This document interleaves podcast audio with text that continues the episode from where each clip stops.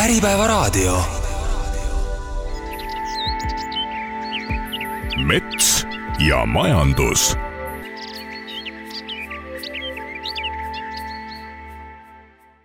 tere jälle kõik Äripäeva raadiosaate Mets ja majandus kuulajad. mina olen saatejuht Toomas Kelt ning täna räägime erametsandusest ja erametsaomanikele suunatud ettevõtmistest. täpsemalt kahest, BFC sertifikaadi uuest standardist ning keskühistu erametsaalgatusest viia kokku puude istutamise toetamisest huvitatud ettevõtted ning selleks sobivat maad omavad maaomanikud. alustame sertifitseerimisest juba mõnda aega on kehtinud BFC metsasertifitseerimise uus standard ning nüüd on metsaomanikel aega uute nõuetega kohanemiseks.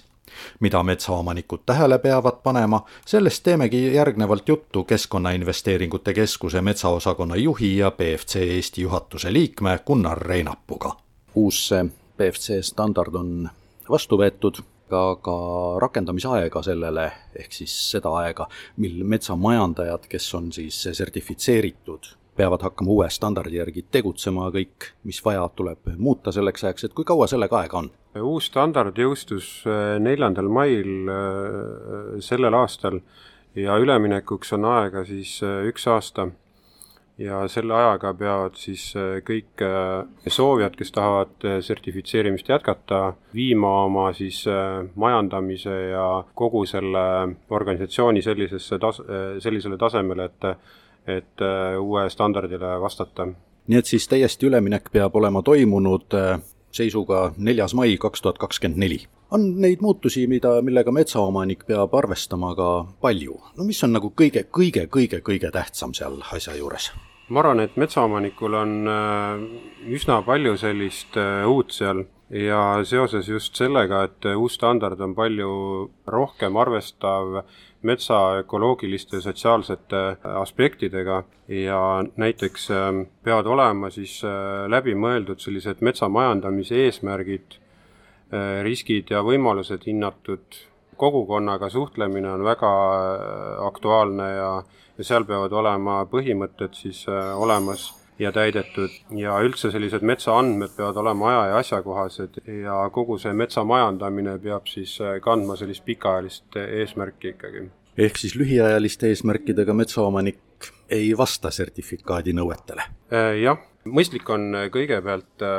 külastada BFC Eesti kodulehte ja natukene tutvuda ikkagi nende nõuetega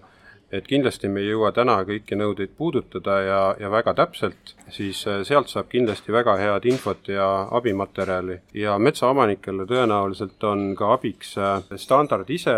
kus on äh, indikaatorid ja, ja sellised äh, abistavad tekstid, mis aitavad seda mingisugust nõuet või punkti täita aga kust nüüd metsaomanik sellist abi saab, et kui noh, võtab ette selle sertifikaadi teksti, see on päris paks pakk pabereid ja tal tekivad mingisugused lisaküsimused, ütleb, et vaatab, loeb selle läbi, hästi aru ei saa, et mida seal öeldud on ja kust ta siis abi ja nõu võib saada? Ma arvan, kõige mõistlikum on tegelikult äh, leida endale sobiv äh, grupi äh, haldaja et metsaomanikul on kõige soodsam ikkagi läbi grupi sertifitseerimise tulla selle standardi juurde ja, ja see oleks, ma arvan, see kõige kiirem ja lihtsam lahendus, et ta otsib üles selle grupi, kellega ta soovib liituda ja siis sealt saab edasised juhised juba. ja kust ta nende gruppide andmed saab? Gruppide andmed saab tegelikult BSC Eesti kodulehelt ja seal on kenasti need olemas ja, ja lisan juurde ikkagi selle ka, et, et standard on seal Äh, sellise kommentaaridega ka olemas, et äh, hästi mõistlik on see läbi lugeda ja vaadata, et et kuidas ja millised nõuded siis seal vaja ikkagi täita on. no meie metsade majandamise üks selline oluline ja väga palju vaidlusi ja arutelusid tekitanud küsimus ongi see, mida siin ka rõhutasite, kogukonna kaasamine kuidas seda kogukonda peab kaasama, kas iga metsaomanik peab siis igasuguste tööde puhul näiteks naabritega läbi rääkima? tegelikult see naabritega läbirääkimine on tõepoolest äh, kenasti standardis olemas ja kirjeldatud, et need tegevused, suuremahulised metsamajanduslikud tööd, mis siis ületavad äh, nii-öelda seda äh, raieala või neid piire, siis nende osas tegelikult peab läbi rääkima. Ja see iseenesest on ka nagu mõistlik, sellepärast et et head sellised naabrisuhted on tegelikult väga olulised ka edasise majandamise korral, et kui soovitakse ju noh, üksteise maid kasutada, üle sõita sealt Äh, metsas käia, et siis tegelikult on äh, minu arust väga halb äh, praktika see, kui naabrid on tülis ja, ja omavahel läbi ei saada. no kui mõelda Eesti kirjandusklassikale, siis juba Tammsaare Tõde ja õigus räägib naabritevahelistest suhetest. kui nüüd tänapäeval niimoodi on ja vot ei ole naabriga seda läbisaamist, kas see tähendab siis, et kui nüüd kokkuleppele ei saada, et siis noh, majandamisel, metsamajandamisel on nagu kriips peal kahjuks selliseid olukordasid on, neid on küll üksikuid, aga selliseid halbu näiteid on, kus äh, tegelikult naabrid äh, läbi ei saa ja kui kuskilt mujalt ikkagi tegelikult metsale nii-öelda ligi ei pääse ja, ja majandamine on võimatu, siis tegelikult äh, jah, sellistes kohtades jääb majandamine tegelikult tegemata ikkagi nii et häid suhteid naabritega tasub hoida. aga mis nüüd metsaomaniku jaoks veel oluline küsimus on? Rohkem rõhku on pandud ka sellisele loodust säästvatele tegevustele. metsamajandamist äh, võib muidugi jätkata, aga mida see loodust säästev tegevus tähendab? no loodust säästev tegevus tähendab tegelikult äh, seda, et me pöörame ikkagi äh, loodusele rohkem tähelepanu, ei jäta kõrvale ka inimese selliseid vajadusi, et sotsiaalseid ja majandama ikkagi peame siis äh, see tähendab seda, et ikkagi mõistlik on jätta selliseid ökoalasid, äh, kus raiutakse teistmoodi või teistsuguse põhimõttega või jäetakse üldse seal raie tegemata, on, on puhverribade äh, võimalus või, või kuidagi teistmoodi leevendada sellist majandamisest tekkivaid järske muutusi. põhimõte on ikkagi selles, et, et jätta sinna metsa selline saareke, kus saab see elu jätkuda sellist looduslikku rada pidi ja kui kõrval olev mets kasvab ükskord suureks, siis äh, see loodus nii-öelda levib sinna äh, noorde metsa või siis niisuguse keskealisse vanemasse metsa tagasi. et ta ei jää kuskile, kuskile äh, nagu levimata, et, et paljud liigid ju, ju le-, le, leviulatus on üsna väike ja ja siis on, oleme kindlad ikkagi, et, et see uus mets kasvab ka liigirikas ja on äh, nii-öelda selline ökoloogiliste sugemetega rohkem. kas metsaomanik selle kohta ka kusagilt äh, nõu ja abi saab, kuidas nüüd äh, metsa nagu rohkem majandada niimoodi, et loodus oleks ka säästetud? kindlasti on võimalik grupist abi saada, aga samas on ka metsaühistud olemas, kes inimesi abistavad. me oleme teinud BFC poolt hulk koolitusi, näitamaks ja aitamaks inimesi sellel keerulisel teekonnal, aga nüüd on äh, plaan ka metsaühistu esindajaid äh, koolitada ja ja proovime selle teemaga ikkagi edasi minna, et see leviks äh, rohkem ja oleks ka sellistes metsades selline loodust jälgiv ja, ja hoitud majandamine, et mitte ainult siis BFC metsades, vaid ka, ka teistes metsades. Nii et tegelikult äh, see on ju selline üldlevinud äh, arusaam, et loodust peab hoidma ja noh, see ei ole ainult arusaam, see on tegelikult ka hädavajadus meil siin praeguses maailmas. et selline seisukoht või selline arusaam peaks siis levima rohkemate metsaomanikeni, mitte ainult sertifitseeritud metsaomanikeni? jaa, kuna Eesti metsadest iseenesest on BFC sertifitseeritud seitsekümmend viis protsenti, mis on nagu üsna hea tulemus, siis äh, nagu me tegelikult ikkagi ühiskonna sellisest ootusest ja tunnetusest äh, ja ka üldistest sellistest äh, arengutest võime arvata, on tegelikult soov, et me kõik pööraksime loodusele ühtlaselt ja tähelepanu, et, et need metsad oleks hoitud ja, ja samas ka oleks võimalik majandada selliselt, et, et keegi ei peaks näpuga kellegi peale näitama, et sa tegid nüüd midagi halvasti kuidas need kaks poolt, majandamine ja loodushoid, nüüd kokku kõlavad? iseenesest niimoodi kaugelt, kõrgelt peale vaadates tundub, et need kaks asja on teineteist täielikult välistavad. jah, see mõte võib ju selles mõttes, kui, kui tahta seda kriipsu tugevalt vahele tõmmata, siis seal on see täitsa olemas, aga kui me mõtleme ikkagi selle peale, et et meile kõigil meeldib ikkagi puust laua taga istuda, puust tooli peal ja meile meeldib, et tegelikult äh, nii, nii majad kui kui muud äh, sellised äh, ehitised on, on puidust, seda puitu kasutame ka väga palju pakendites, igasugu muudes vormides, siis siis põhimõte on ikkagi see, et, et kui sa seda BFC märki näed, siis sa tead, et see on jätkusuutlikust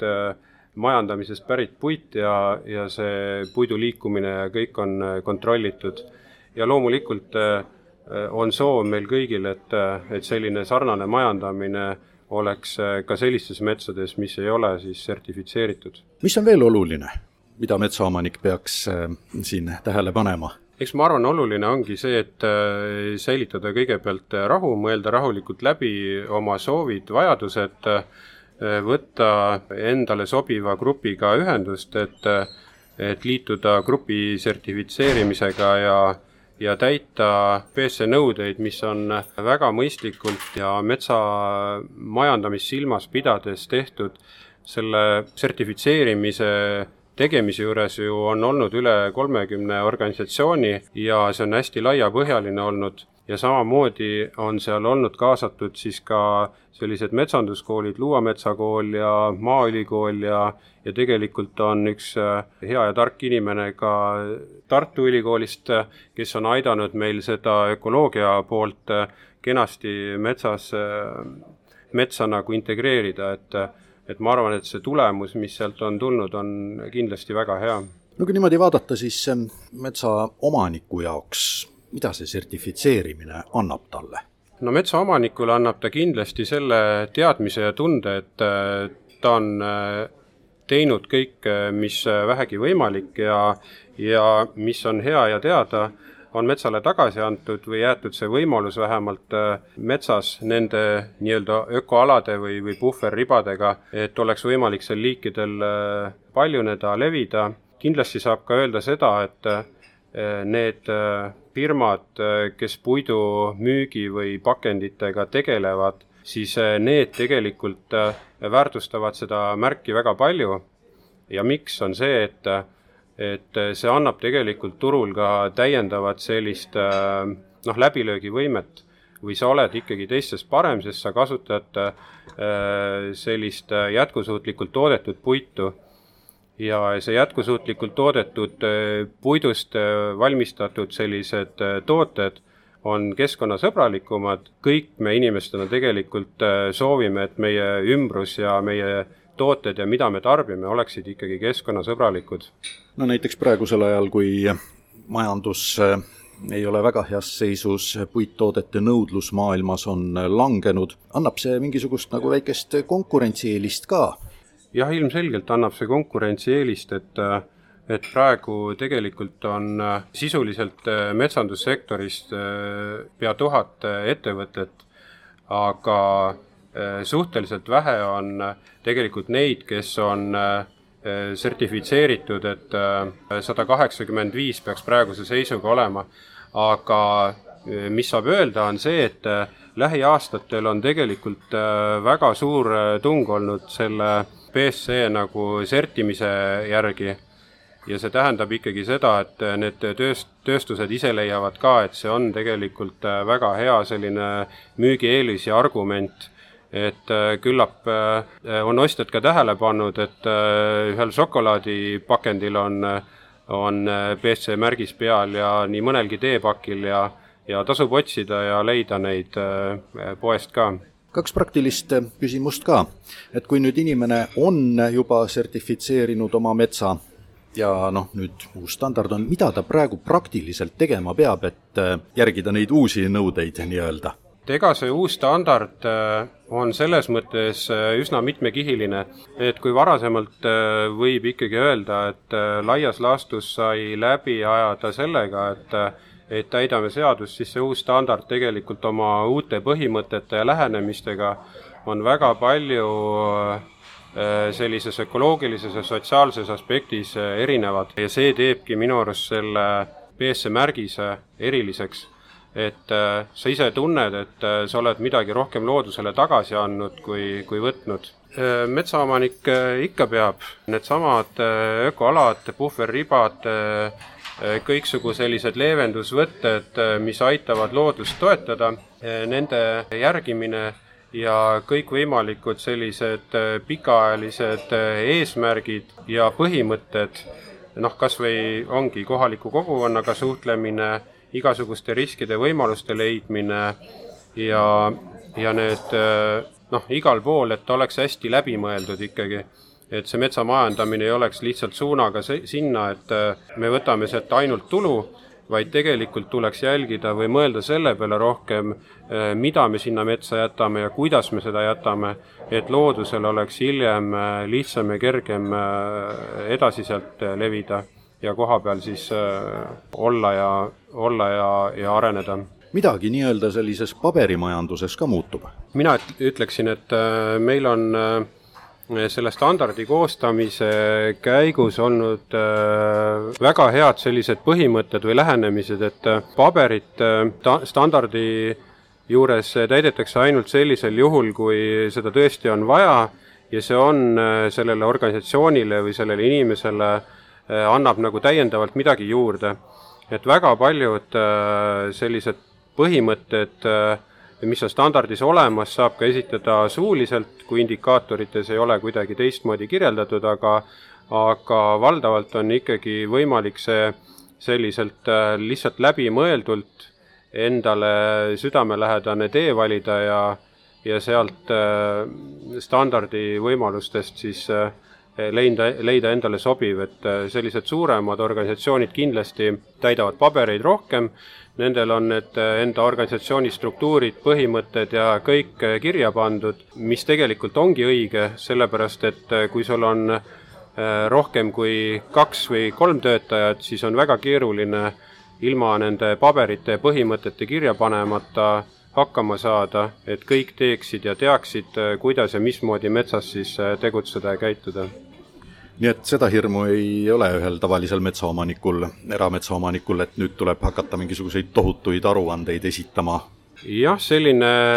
mõte oli küll, et see standard oleks äh, hästi läbimõeldud, kergesti täidetav, et bürokraatiat ei oleks nii palju põhiline rõhk on siis see, et äh, mida me seal metsas näeme ja kuidas me metsas tegutseme. et sellist äh, bürokraatiat me proovisime tõesti vältida ja vähendada nii palju kui vähegi võimalik. no kui nüüd üks metsaomanik tahab ka, et tema metsad oleksid sertifitseeritud, mida ta tegema peab, kuhu kohta pöörduma ja palju see talle siis ka maksma läheb? Äh, no mõistlik on oma sertifitseerimise teed alustada BSC kodulehelt teha endale selgeks põhimõtted, mõelda läbi, et kas ma ikkagi suudan seda täita ja kui soov on olemas, siis valida sealtsama kodulehe pealt, BFC kodulehelt ka selline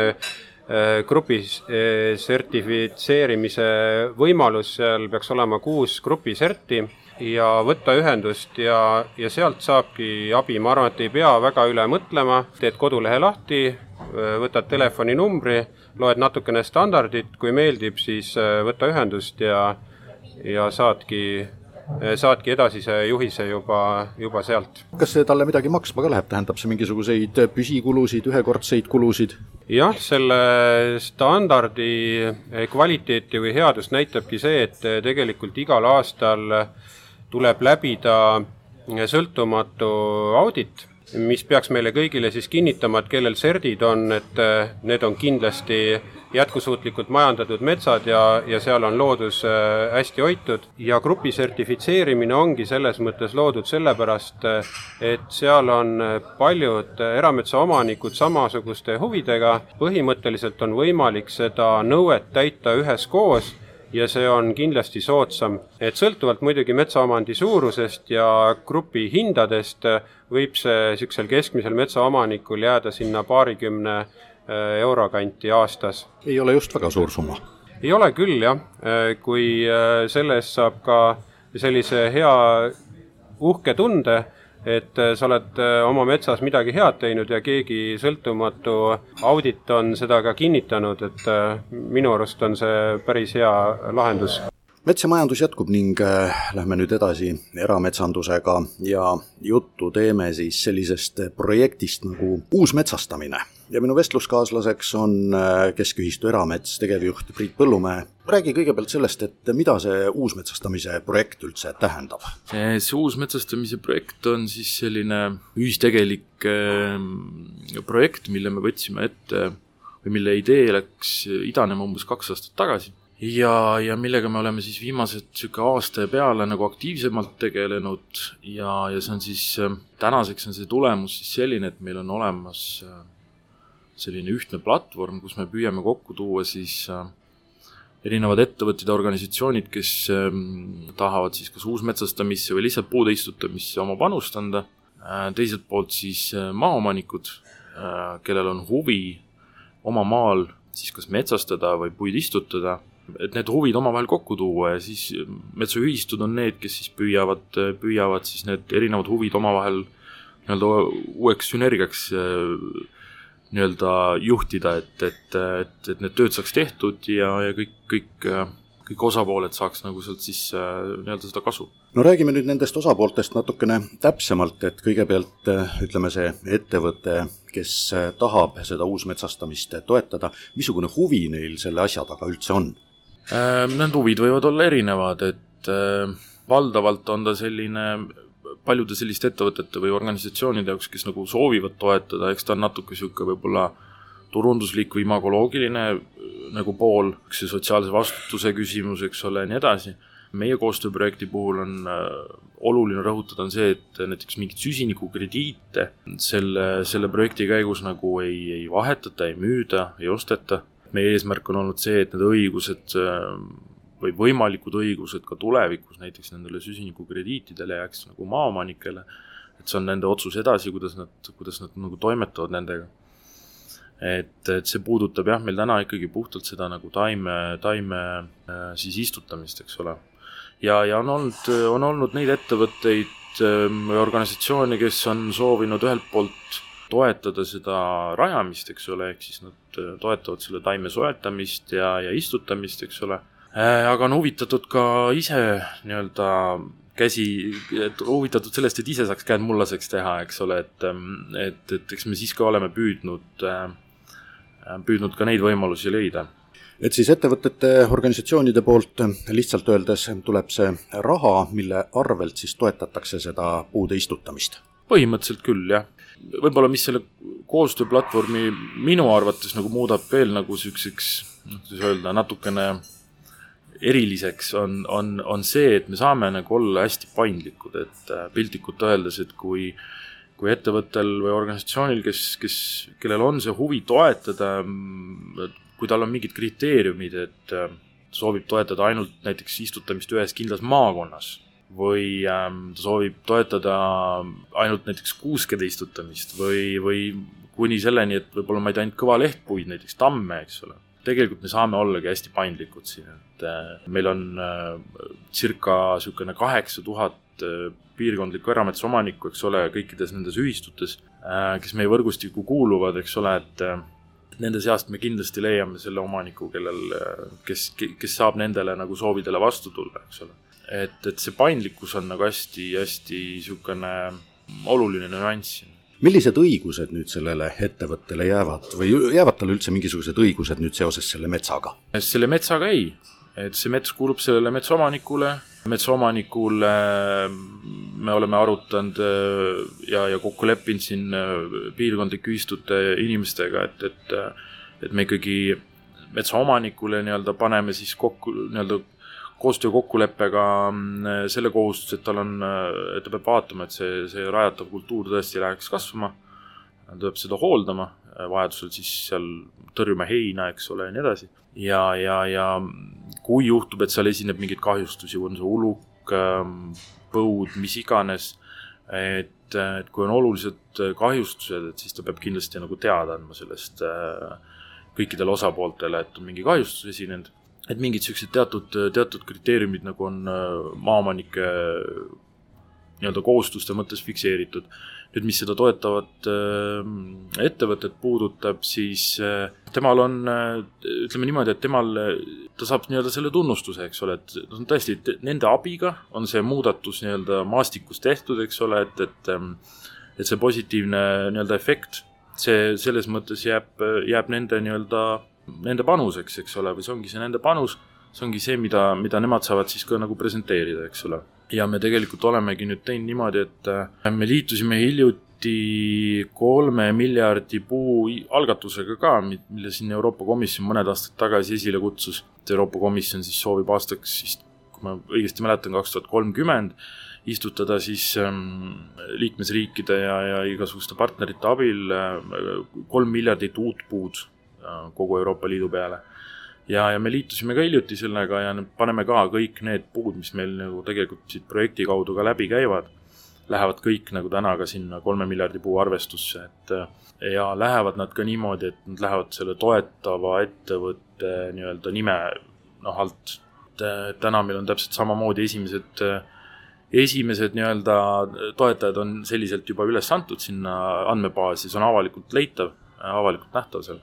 ja sealt siis see panus tuleb samamoodi välja, et et maaomanik peab siis leidma selle maatüki, kuhu kohta need puud istutatakse. missugune see maatükk olema peab, no kui räägitakse uusmetsastamisest, siis tõenäoliselt see ei tohi olla näiteks lageraielank. jaa, kindlasti lageraielank on kindlasti nagu välistatud. siin ongi nüüd see, et see ei ole ainult nagu ka võib-olla uus metsastamine kui selline, et, et me tegelikult äh, võt-, oleme võtnud selle nagu fookuse, et see võib olla noh, mis tahes nii-öelda siis puude istutamine, eks ole, et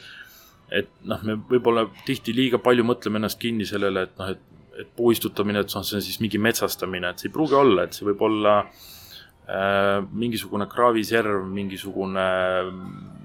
metsavahe, mingi riba, see, see, see, see ei pea olema ilmtingi-, ilmtingimata nii-öelda mingisugune põllumaa, eks ole, kuhu siis seda puud, puud istutatakse, et pigem, pigem isegi, äh, mida me oleme arutanud äh, siin isekeskis ühistutega ongi see, et pigem isegi prooviks nagu igal juhul vältida seda, et me istutaks nagu viljakale ja tootvale põllumaale, eks ole, mida kasutatakse siis toidu tootmiseks. me peame niikuinii kontrollima nende alade sobivust, kohalike omavalitsuste üldplaneeringutega on tegelikult ju samamoodi seatud teinekord piiranguid isegi, et planeeringu käigus näiteks on ju maha märgitud väärtuslikud põllumaad. Nendele on ka siis seal üldplaneeringus üldiselt seatud igasugused kasutustingimused mille hulgas äh, võib teinekord ollagi niimoodi, et metsastamine ongi keelatud. ja noh, me peamegi nagu igal juhul iga kord, kui,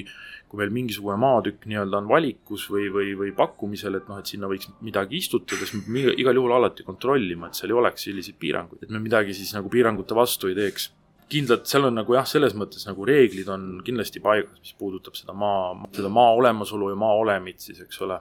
aga noh, teistpidi jällegi võrreldes võib-olla nende initsiatiividega, mis siin just nüüd ongi keskendunud sellele metsastamisele, eh, kus teatavasti teatud juhtudel on välistatud turvasmullad, eks ole, või turvasmuldadel istutamine ja noh, mingid muud niisugused nüansid, et me saame ikkagi olla natuke ka siin jälle paindlikumad, et äh, teoretiseerides, et me võime siin rääkida sisuliselt hekkide rajamisest äh,, mingitest roheribadest äh,, kraaviservade, kraaviservadele istutamisest, heinamaa vahed, mingid vaheribad, eks ole, mis heinamaade vahel on, et sinna mingi istutamised ja noh, need, need nagu kõik on meie vaatest nagu täiesti sobivad nii et kui maaomanikul mingisugune tükk on, kuhu ta mõtleb, et võiks sinna mingisugused puud kasvama panna ja tahab selle projektiga liituda, siis tasub äh, metsaühistu poole pöörduda ja siis juba saab vaadata, et kas see on sobilik selle projekti raames teha. no täpselt nii ta põhimõtteliselt ongi, et oma piirkondliku ühistu juurde ikkagi märku anda, et, et, et soov on, eks ole, ja siis saab hakata edasi vaatama, et et kuna see projekt on, eks ole, täna tegelikult suhteliselt algusjärgus, me oleme natukene nii-öelda teinud seda niisugust äh, nagu selle, selle süsteemi nagu testimist, eks ole, nüüd siin äh, eelmise aasta äh, sügisel ja, ja tänavu kevadel, siis me nagu oleme alles nagu vaikselt käima minemas. Ja, ja praegu nagu püüame aktiivselt otsida ka siis uusi, uusi selliseid ettevõtete organisatsioone, kes oleks huvitatud ja huvi paistab järjest nagu rohkem olevat, aga noh, et siin niimoodi samm, sammuhaaval lähme, et me oleme tõesti siin kaks kuud umbes ähm, sellest asjast nagu laiemalt rääkinud. meil on siin veel kuhu, kuhu, kuhu edasi minna ja areneda veel. kuidas see asi praktiliselt välja näeb siis, maaomanik äh, leiab, et tal on see maatükk, pöördub ühistu poole, ühistu vaatab, et jah, sinna võib puid istutada, mis edasi saab? Edasi saab niimoodi, et ähm, ühistu, ühistu poolt siis äh, ja ütleme siis nüüd keskühistu poolt, eks ole, me tegeleme aktiivselt siis nende ettevõtete, organisatsioonide otsimisega. kui me nüüd leiame sellise sobiva nii-öelda partneri, eks ole, kes siis, kes siis selle, selle konkreetse kinnistu peal noh, on valmis seda asja toetama, äh, siis ei olegi muud, kui et äh, sõlmime vajalikud koostöölepped, eks ole, metsaühistu vaatab üle, palju sinna, mida ja palju sinna siis lõpuks istutada saab, tellime taimed, ühistu organiseerib äh, vajadusel maapinna ettevalmistuse, eks ole, istutustööd korraldab ära, pärast seda siis noh, lähebki nii-öelda see, selles mõttes edasi, et siis on maaomaniku roll, eks ole, vaadata, et, et see kenasti kasvama läheb ja, ja esimestel aastatel kindlasti hooldada korralikult ja ja, ja noh, veel kord, et ka siin me saame olla paindlikud, kui, kui on mingi erisoov, eks ole, et omanik tahab ise istutada, näiteks äh, muidugi on võimalik äh,, see on kõik niisugune kokkulepe, siis noh, ütleme niimoodi, et kõik need asjad lõpuks valmivad nagu rätsepa lahendusena lõpuks tegelikult, et, ähm, et arv, vaatame üle, et kuidas erinevate osapoolte soovid ja tahtmised on ja ja, ja siis, äh, siis lõpuks tuleb see rätsepa lahendus. no muidugi alati huvitab kõiki, et kes maksab ja palju maksab jah et see, selle täna, täna nagu selle koostööplatvormi nagu disain on ikkagi see, et see toetav organisatsioon täna katab need kulud et äh, omanikule tõepoolest jääb hiljem see hooldamise kohustus ja, ja nii-öelda see hoolsuskohustus, et vaadata, et seal kõik nagu oleks korras, eks ole. Aga, aga jah, mis puudutab siis nende tööde korraldamise kulusid, ähm, tööde enda läbiviimise kulusid, taime soetamise kulusid ja nii edasi, siis need, need, need katabki siis see toetav äh, organisatsioon. nii et maaomanik ise nagu maksma ei pea selle eest? maaomanik ideaalis ise selle eest maksma ei pea, jah aga kui äh, näiteks noh, ütleme, et on selline variant, kus kohal toetajaid nii palju ei ole või maaomanikul on see maatükk millegipärast suurem, mida see toetus ära ei kata, et kas on ka see variant, noh, kui rätsepatööst rääkida, et ta ise osaliselt need kulud katab? ma arvan, et kindlasti on jah, selles osas kindlasti on, et selliseid olukordi kindlasti võib meil tekkida, me oleme arutanud neid palju, eks ole, et et mis siis, kui, eks ole, et, et noh, kuhugi tekib mingi pudelikael, eks ole, et, et et kas siis on nii-öelda äh, toetamise soovi rohkem, kui on parasjagu maid, eks ole, mida võiks metsastada või kuhu puid istutada või vastupidi, et, et et selliseid momente võib tekkida, eks me püüame neid lahendada, aga noh, mis seda nagu puudutab, seda nagu äh, jah, et kas, kas ise kuidagi kaasfinantseerida, noh, ma usun, et kõik sellised paindlikkuse momendid on võimalikud, et äh, et seal peab vaatama siis, et kõikidele osapooltele see sobib, eks ole, selliselt ja, ja ma arvan, et see ei ole probleem ja et me saame siin nagu olla jällegi nagu paindlikud ja teha niisugust rätsepatööd. Nii et eos erinevaid variante ei välista? ei, kindlasti mitte jah, kindlasti mitte. no ütlesid, et eh, projekt on algusjärgus, aga natukene juba toimunud on, kui palju nüüd neid eh, maid eh, nii-öelda uusmetsastatud või maid on, kuhu on puid peale istutatud siis? no konkreetselt selle projekti raames on nüüd sellises nii-öelda pilootfaasis, kui me tõesti nagu testisime ja vaatasime seda, selle asja toimimist, on istutatud üle nelja tuhande viiesaja puu, circa neli hektarit. noh, seda ei ole tõesti palju täna, aga, aga noh, jällegi, et see oli niisugune piloot, pilootfaas, eks ole. et eks me siit proovime edasi minna ja nagu ma ütlesin, et siis noh, täna me nagu aktiivselt otsime koostööpartnereid ja, ja, ja nii mõnigi on täna juba öelnud, et, et jah, nad tulevad, mõni kaalub, mõni mõtleb, kuidas, kuidas see sobitub tema nii-öelda muusse, muusse tegevusse, eks ole, ja nii edasi. et aga, aga jah, täna me jah, aktiivselt äh, suhtleme. Kuidas praeguses majandusolukorras see vastuvõtt on, et kas natukene nagu ütleme, sattus see projekt äh, kergelt halvale ajale ka, et ettevõtted hoiavad praegu kulusid ikka kokku, kui vähegi võimalik? küllap küllap mingis osas võib ju jah, spekuleerida, et, et võib-olla, võib-olla ei ole kõige ideaalsem aeg, noh teistpidi, teistpidi vaadates nagu seda, kui palju nagu täna ettevõtted panevad nagu üldse rõhku, eks ole, sellistele noh, ESG-ga seotud küsimustele ja, ja teemadele, eks ole, siis, siis ja noh, arvestades seda roheleppe konteksti, et noh, siis, siis see võib-olla natuke tasakaalustab seda jälle. No miks teie seda teete, kas see on ka nagu ajendatud, ähm, kui rääkida nüüd sellest LULUCF-ist, Euroopa Liidu suurtest rohe-eesmärkidest ja siis nendest, mis on seotud metsanduse ja põllumajandusega, LULUCF lihtsalt lahti seletatuna seda tähendab, on see sellest ka ajendatud, seal oli üheks eesmärgiks äh, metsastada kasutamata maid või siis istutada uusi puid lihtsalt juurde? ma ütleks, et see on nagu selline kaasa, kaasakäiv boonus ähm, mida, mida maaomanikud siis nagu tegelikult äh, kuidas öelda on, et riigile nagu annavad, kui nad oma, oma mingi tüki metsastavad, et me tegelikult algne idee algusest peale on olnud ikkagi puhtalt see, et võimaldada metsaühistu liikmetele uut sorti teenust, mida varem noh, ei ole olnud.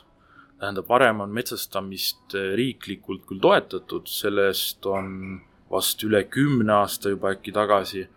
kui seda viimati tehti. Ja, ja täna, täna tegelikult noh, on ebaselge, ma olen kuulnud justkui mingisuguseid mõtteid, et noh, et äkki riik mingil hetkel võiks nagu uuesti seda metsastamist kuidagi toetada, aga noh, ütleme, me, me nagu nägime, et turul oli huvi sellise puude istutamise teema vastu ettevõtete poolt ja, ja me nägime siin võimalust, et, et ikkagi väga selgelt ühistu liikmetele pakkuda nagu sihukest uut, uut, uut sorti teenust. ja, ja selliselt me oleme teda teinud, et, et see, et ta nagu panustab lõpuks siin ütleme LULUCF-i eh, eesmärgi positiivselt, see on tore ja, ja ma arvan, et see on, see on väga tore sest ega siin väga palju variante nende LULUCF-i eesmärkide täitmiseks ei ole ka. Aga, aga see ei ole kindlasti jah, peamine eesmärk olnud. no mulle tundub, et see on selline väga hea teenus, selles mõttes, et ühelt poolt on ta läbi mõeldud, selle järgi on vajadus, teiselt poolt täidab ta selliseid suuremaid eesmärke ka, et peab ainult kiitma. aitäh et ähm, mõttetööd on selle asjaga olnud äh, palju ähm, ja ega see lihtne ei ole olnud seda teenust disainida, aga jah, ma arvan, et tal on äh, lõppude lõpuks paar väga olulist nagu tugevust äh,, millest üks on kindlasti läbipaistvus äh, nende samade kasvõi toetavate ettevõtete jaoks. Et meil on võimalik näidata noh, nii-öelda ta, ühe taime täpsusega istutatavate taimede arvu äh,, Äh, asukohta, täpset asukohta, eks ole, liiki, põhitunnistuse numbreid, kõike, kõike sihukest, sihukeseid momente on võimalik ära näidata, nad jõuavad ka sinna kolme miljardi puu arvestusse, eks ole. ja teine oluline nüanss on minu jaoks see, et ta on niisugune ühistegeliku mudeli pealt äh, kasvanud asi, tähendab, meie piirkondlikud ühistud on ju, praktiliselt kõik on MTÜ-d, ähm, meie, ütleme, keskühistu on äh, on, on samamoodi, eks ole, ta on näoga nagu oma liikme poole, eks ole, meie liikmed on meil olulised. ehk siis me püüame nagu ühistegevuse põhimõtteid jälgides nagu seda teenust arendada, mis tähendab seda, et, et see lõppkasusaajad on ikkagi see omanik, maaomanik ennekõike ja siis ühelt poolt äh, siis ka see toetav ettevõte, eks ole.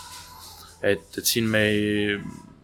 meil jah, ei ole sellist äh, kuidas öelda, mingit kasumi eesmärke meil selles projektis ei ole, ei, ei, ei meil ega piirkondlikel ühistutel.